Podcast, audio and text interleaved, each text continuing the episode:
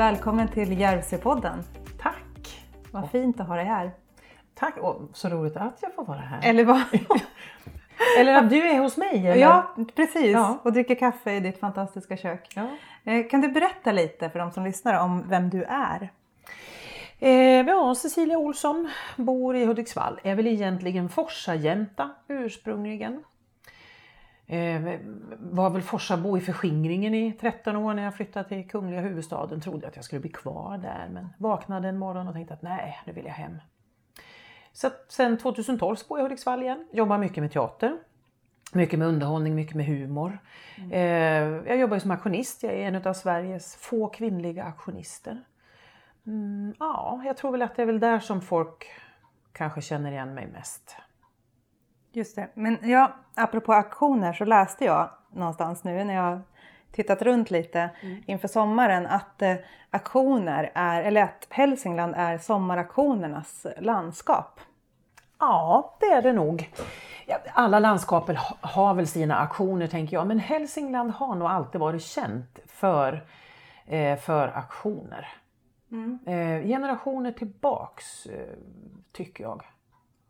Men du är ju som du precis sa själv auktionsförrättare. Nej, jag är auktionist. Auktionsförrättare, då, är, då har man liksom, då sköter man hela rubb och stubb. Jag, jag, jag gör ju mina egna auktioner ibland också, men jag säger att jag är auktionist.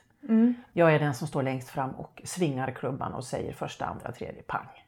Just det. Ja. Var kommer det intresset ifrån? Min pappa är ju eh, gammal auktionist. Jag har ju följt pappa både teatervägen och auktionsvägen.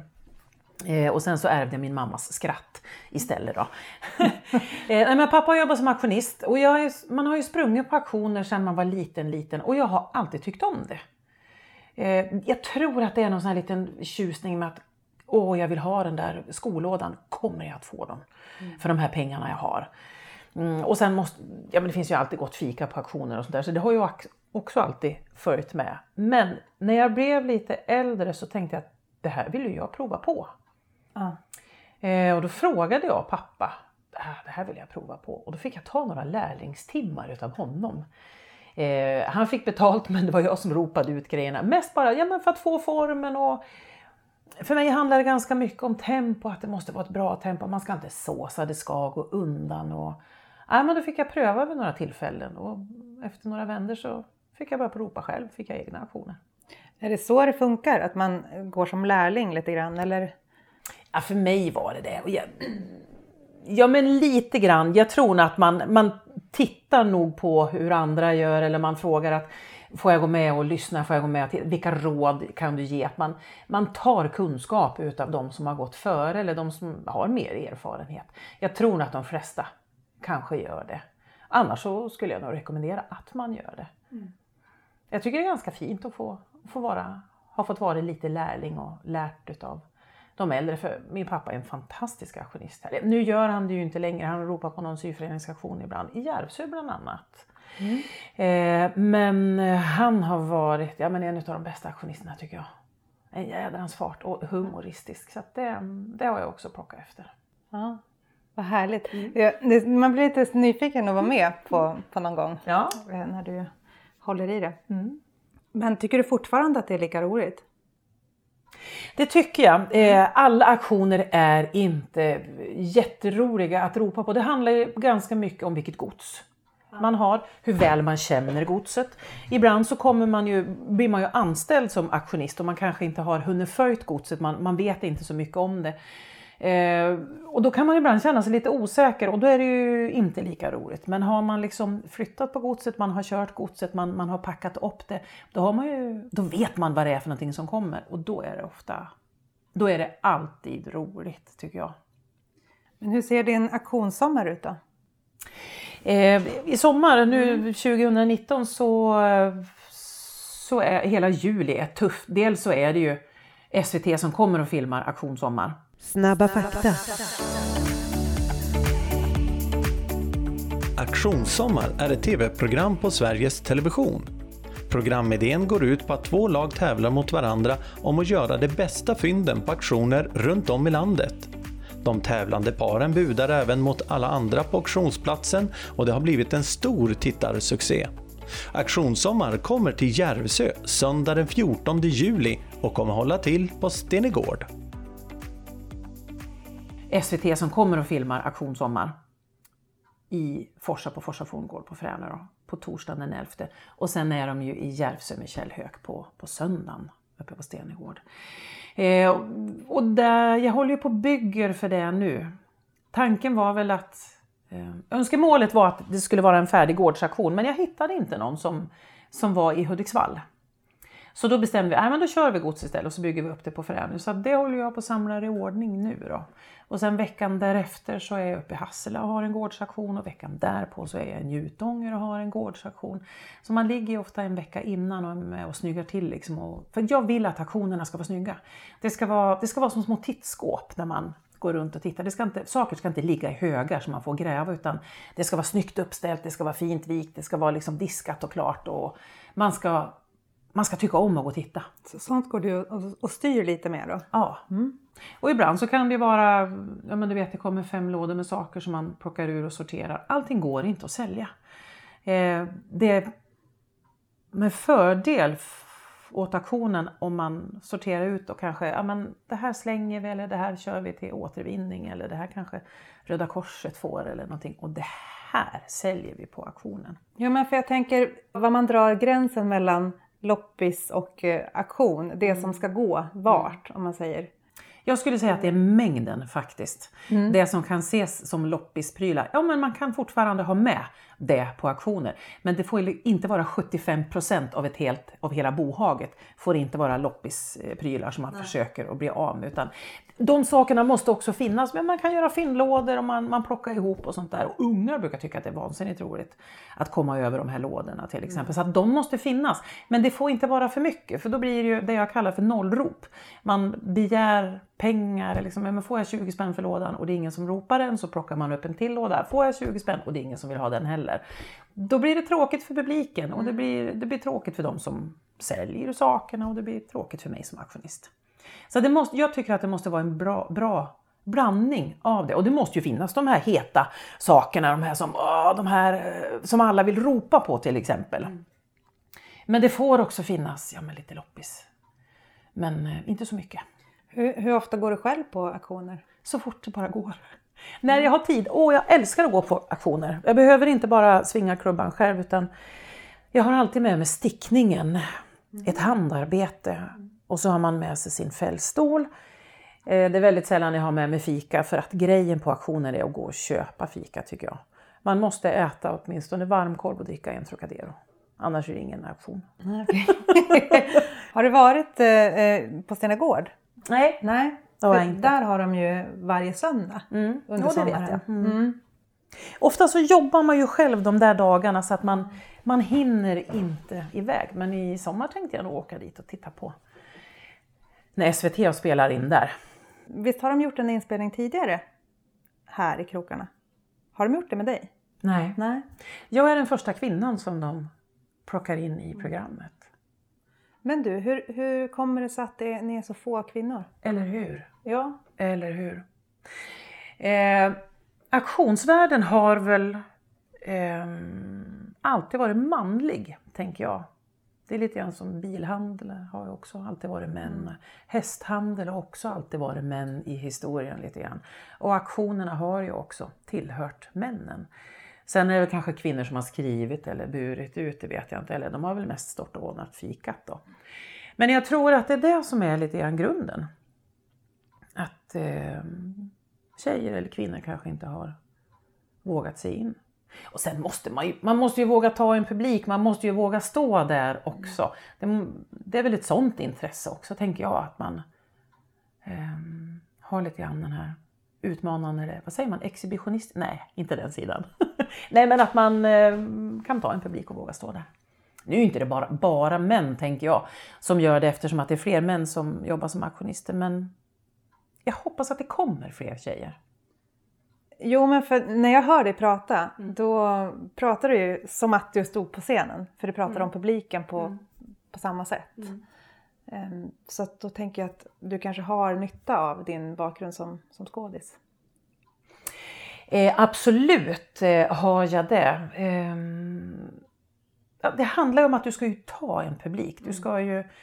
ehm, ibland, ibland får man ju faktiskt läxa upp publiken lite grann också, men det måste man ju kunna göra med finess så att det inte blir dålig stämning. Ja, men alltså, ibland pratar de för mycket, man hör inte och Eh, ja, men ibland är, kan folk faktiskt vara riktigt oförskämda i publiken och man måste liksom styra upp sådana saker också. Men det handlar ju om att, att underhålla, tänker jag, och samtidigt göra aktionsjobbet. Jag vet att det är ganska många som, när jag ropar som aktionist, om man får säga det utan att låta stor på sig, men så är det många som säger så, åh det är så roligt när du ropar Sia, för man får skratta så mycket. Ja, vad kul! Då underhåller man dem. Jag säljer inte bara saker utan jag, jag roar dem också. Mm, just det. Ehm, och det tycker jag är viktigt.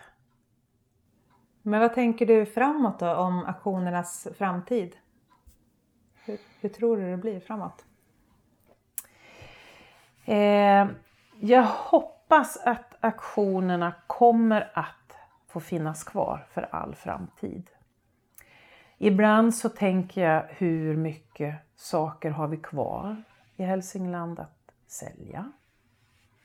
Hur många obrutna gårdar finns det? Mm. Det är väldigt mycket aktion på nätet mm. som går den vägen.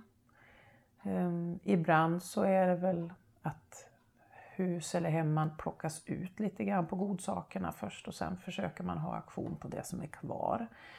Eh, så att jag tror nog att aktionerna kommer att få finnas kvar fast kanske inte den, eh, i den glans som det, det har idag, eller har haft i alla fall. Men jag hoppas att den här riktiga vanliga auktionsförfarandet får finnas kvar. Men det finns en auktionist och det finns en publik som kommer dit och man bär hem sin lilla tvättkorg eller man fikar lite grann och man umgås. Eh, men jag tänker, är de välbesökta idag? Aktionerna? Det, ja. ja, det ja. är de. Mm. Sen eh, ibland så krockar det. det kan ju vara, på sommaren kan det ju vara tre eller fyra aktioner på mm. samma söndag till exempel eller samma lördag. Eh, och då kan man ju, ofta så har man ju kanske visning dagen innan och då har ju folk möjlighet att åka runt och kika. Okej, okay, den där soffan vill jag ha eller den där tavlan. Och då har man ju möjlighet att kunna lägga ett bud mm. innan så att man inte fysiskt kan vara på plats men jag kan bevaka budet åt en annan människa. Som har lämnat sitt högsta bud? Som, som har lämnat beredd. sitt högsta bud, ja. Mm. Just det. Mm. Så att eh, även om man inte är där fysiskt så, så kan ju en aktion vara välbevakad eller välbesökt. Även via bud. Förutom aktioner då, mm. hur fyller du din sommar i övrigt? Um, ja, det är väl här teaterbiten kommer in lite grann. Vi har ju jag har ju producerat upp en föreställning som heter Lasarola tandemcykel. Vi spelade den förra sommaren men vi sålde ut alla 12 föreställningarna. Eh, och det var så skönt för ensemblen sa nej Sia vet du vad, vi spelar det här nästa sommar igen. Och jag bara, mm. oh, Gud så skönt, då behöver jag inte skriva något nytt. vi kör en gång till. Eh, så att vi gör nio föreställningar nu i sommar och mm, det kommer att gå bra. Mm. Och sen, nej men jag ska hinna med lite revyläger och vi har blivit uttagen till eh, revy-SM så vi ska ner med fyra, eller vi ska upp till Östersund med fyra nummer och tävla och ja. Men och sen är det, det är mycket aktion. Mm. Och det är roligt. Och så skulle du till Stenagård. Och så skulle jo. jag till Stenagård! Den här sommaren ja. på, på sommaraktion. Ja. ja, det tycker jag. Mm. Kan vi ha sällskap. Ja, eh, roligt. Jag tänkte byta, byta ämne lite från aktion. Mm. Eh, för att jag är ju, som du vet, nyinflyttad mm. här i Hälsingland. Och då har jag tänkt mycket på det här med hälsingemål. Mm. Eh, och då läste jag lite faktiskt på nätet om hälsingemål och hittade en artikel från 2015 där tidningen Hela Hälsingland hade frågat sina läsare om de pratar på mål. Och över 95 procent av de som svarade på den frågan sa att de pratar på mm. mål. Mm. Um, tror du att hälsingar är stolta över sin dialekt? Absolut. Mm. Det är de. Eh, det är väl alla egentligen, eh, tänker jag. Jag bodde ju i Stockholm i 12 eller 13 år. Eh, och där fanns man ju, inte med rikssvenskan, men där var man ju i en annan dialekt. Så ibland när man gick på Drottninggatan på lördag förmiddagarna så kunde man ju höra fyra meter bort, oh, den där måste vara från Hudik den, tänkte man, för det hörde man. Då kände man igen sin egen dialekt, på ett, an- man hörde sin egen dialekt på ett annat sätt. Eh, och ibland kan man väl tycka att oj, oj, oj, oj, oj så, så präglad eller utpräglad den dialekten kan vara och ibland kan den låta lite för mycket. Men jag är väldigt stolt över min dialekt. Eh, och det, det är jag övertygad om att alla är. När jag, när jag googlade då om Hälsingemål så, så dök du upp faktiskt eh, i en gammal artikelserie, ganska länge sedan, tio år. Ja, det är det nog. Eh, vill du berätta lite själv om det där? Eh, Det var jag och Lennart Hemmeleinen och min pappa som fick den här frågan ifrån, ifrån HT och Kristina Busk om vi kunde vara med och Eh, föreställa eller illustrera de här eh, dialektorden. Okej, okay, jag berätta, hur tänker du? Men då hade de plockat fram alltså flera olika dialektord. Nolavär till exempel, ja men nordanvind. Ja men då drar vi fram en stor fläkt och så står jag, jag som hade längst hår, då ställer jag mig framför den och så ser man, eh, man drar igång fläkten och, och håret fladdrar och så fotar man det och då ser man att men då är det vind i håret. Då har vi liksom illustrerat Nolavär där då. Så det var ju så, alla ord gjorde vi ju inte någonting av men, men, eh, men väldigt många. Och det var lite roligt för det blev ju också ett kreativt arbete. Hur kan vi illustrera det här ordet på bild? Och sen gjorde vi väl också några smårta, små korta filmer tror jag. Ja, jag har sett Ja, du har sett dem ja. Nå- någon tomtefilm när ni ska prata om tomte. Ja, just det. Ja. Eh, Men och det var, det, det var många som hörde av sig och tyckte att det var väldigt, väldigt roligt. Och det var många gånger hälsingar i förskingringen, du vet, som bodde nere i Stockholm eller söderöver som kom över och sa att åh, det här är mina ord, de här är jag uppvuxen med och att de kände igen så tyckte att det var lite roligt. Sen var det några som tyckte att det var riktigt, riktigt dåligt också, men det är väl sånt som man får, det är smällar man får ta. Ja, men det, så, så är det väl. Mm. Jag har precis tagit fram en tavla till dig med en massa hälsingeord. Vill du berätta lite om, om det där? Ehm, Hälsingemål. ehm, kuse står det till exempel. Ehm, för oss i Hälsingland så är kuse det är en sån en liten, ett litet kryp med åtminstone sex ben. Söder över i Sverige så är kuse häst. Eh, fast vi säger väl kuse som häst här också, men för det mesta, oh, det kom en kuse, då är det ett litet djur med, med flera ben. Eh, Döven, det jag tycker är så roligt med de här orden är att de, de säger så mycket mer. Eh, Om man säger att man är döven, då vet man precis hur man mår, hur tjockt det är i huvudet och liksom hur klen man är och hur kroppen mår lite grann. Jag har ingen aning om vad döven betyder. Nähä, man är lite- förklara gärna. Ja, eh, är jag lite döven, då är det lite, det är lite tjockt i huvudet. Det är så här liten småförkylning på gång. Kroppen är lite på halvfart. Ja, då är man döven. Och då räcker det med att man säger det ordet så vet man vad det är. Istället för, precis som jag gjorde nu, ska försöka förklara runt omkring. Det, tar så, det är så många ord. Då är dialektordet så bra. Öcken. Vem är det? Ja. Är det det? Ja. Öckenorm. Mm. Vem av dem? Öcken är jättebra. Joll, det hör man ju. Trams. Joll hör jag Ja. ofta. Ja. Och så, och jag häler inte jag. Man klarar inte av det. Det är, eh, häler. Eh, Har du något favorituttryck som du själv ofta använder eller? ja, eh, sölskren.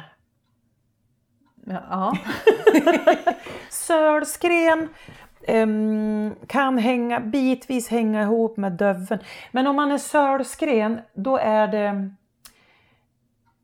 Oj, hmm. nu, är det, nu behövs det många ord igen. Eh, ponera att man har jordens träningsverk. Eh, att kroppen är lite skev. Att det tar sin lilla tid innan man kommer igång. Man måste gå igång höfterna och tills den här träningsverken försvinner eller om man har blivit halvt överkörd av en sjö, skördetröska till exempel. Då vaknar man möran efteråt och så är man sölskren.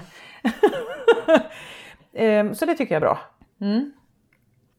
Mm. Hur ofta pratar du själv på mål? Är du medveten om det? Liksom? Eh, när jag kliver in som aktionist så använder jag mer mål mm. än vad jag gör till vardags. Mm. Har jag upptäckt. Mm. Eh, och jag använder mål oftare i humoristiska situationer när jag gör karaktärer till exempel. Då blir det mer mål. Mm. Och vi har ju också negationen. Mm. Efter varje negativ mening så lägger vi till ett e. Och i varje positiv mening så har vi ett o.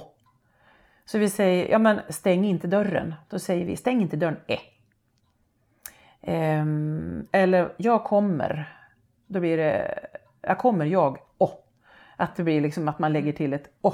Och det, det är nästan svårt att ta bort dem. Ehm ändelserna, eller vad man ska säga. Då måste man nästan vända på hela meningen, känns det som. Pappa har berättat, när han gick teaterutbildning i sina unga år så kom han hem och skulle då lära sin syster att prata fint. Ingrid som då bodde i Rumsta. Eh, och Ingrid sa, men stäng inte dörren. Ja men det heter inte stäng inte dörren, det heter stäng inte dörren. Ja, och Ingrid skulle säga efter det, stäng inte dörren. Inte är. Var hon liksom tvungen att lägga till, för det gick inte på något annat sätt. Så den, eh, den dialekten har jag. Vi, vi har ju ett stående inslag i den här podden. Mm. När eh, förra gästen skickade med en fråga. Och eh, vi tyckte att den var lite, lite halvsvår så att vi, vi skickade den lite i förväg till dig. Mm. Det är jag lite tacksam över kan jag säga. Ja, men ska vi lyssna på, på vad han Eh, på frågan? På frågan, ja. ja. Frågan som jag vill skicka vidare det handlar om eh, Hälsingemålet och att eh, det delas ju i eh, Sydhälsingska som är släkt med Sveamålen och eh, Nordhälsingska som är släkt med norrländska. Var i detta befinner sig Järvsömålet? Järvsö ligger ju mitt i landskapet. Mm. Det var lite att bita i. Det var lite grann att bita i. Um, och jag kan ju direkt säga att det där har jag inte en aning om. Nej. Nej. Men eh, då finns ju Google. Ja. Och eh, vi har ju ett internet som man kan surfa runt lite grann på. Eh, och om man lägger en... Eh, om man, alltså det finns ju en... På internet så hittar man då en dialektkarta. Det som då är sydhälsingsk och norrhälsingsk dialekt där gränsen går. Och det är ju precis som han säger att Järvsö ligger ju precis mitt i den där gränsen. Men jag skulle ändå vilja hävda att, eh, att Järvsö hör till den norra delen rent eh, dialektgrundmässigt eller liksom i vilken form man ska mata in den där. Och vad är det för skillnad på det norra och södra? Eh, Vet du det? Nej, eh, jag har bara lyssnat mig till det. Det här, det här är min egen eh, uppfattning om det. Jag tycker att den norra delen har en... Eh, det är li, en liten grövre dialekt. Den är lite luftigare i uttalet, lite rundare i orden. Och jag tycker att eh, den södra delen i Hälsingland den närmar sig lite mer rikssvenskan, även fast den är långt ifrån. Men den är lite, den är lite renare. Är den lite mer städad? Den är ja, lite mer städad skulle man kunna säga. Men eh, för mig så blev det ganska klart med en sån här liknelse. Här, hur, hur uttrycker man det här? Järvsö, ja men det ligger nog banne med på gränsen. Och då tänker jag på, hemma i Rumstad där jag är uppvuxen så har ju vi en granne som bor precis på gränsen mellan eh, Rumstad, Vårsta och Hög. Så att han har sitt köksbord i Hög och han har sitt eh, vardagsrum i Vårsta och Rumsta. Det är, man kanske kan lägga Järvsö-dialekten där också, på gränsen mellan både nord och syd där. Just det. Men det var, det var en eh, svår fråga måste jag säga. Men, ehm, och det, för mig var svaret inte, jag hade inte en aning, men ehm, vi har googlat på lite mm. grann här. Då har vi lärt oss något allihopa. Ja. Vad har du själv för bild av, av Järvsö då?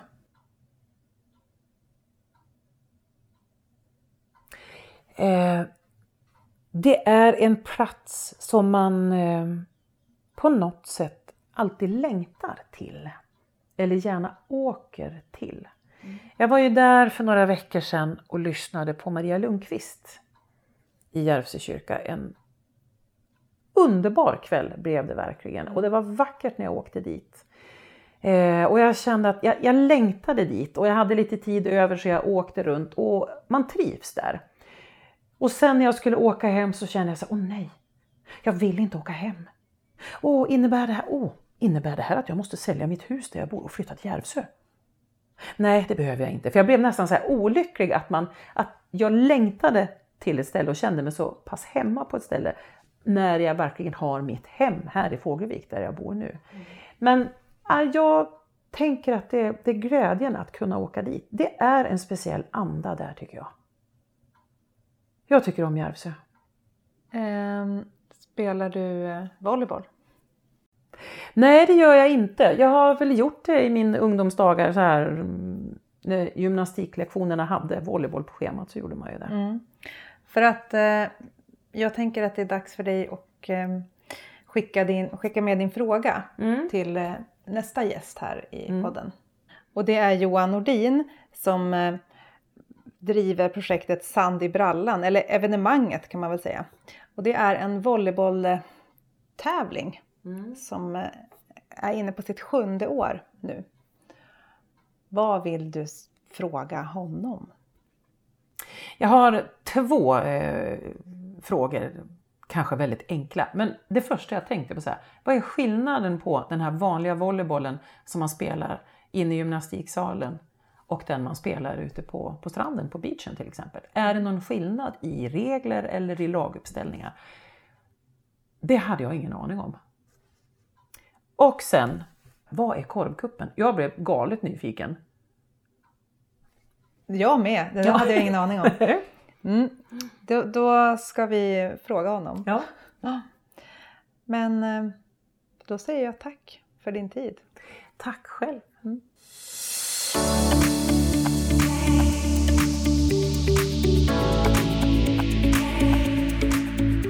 Hjälpsepodden!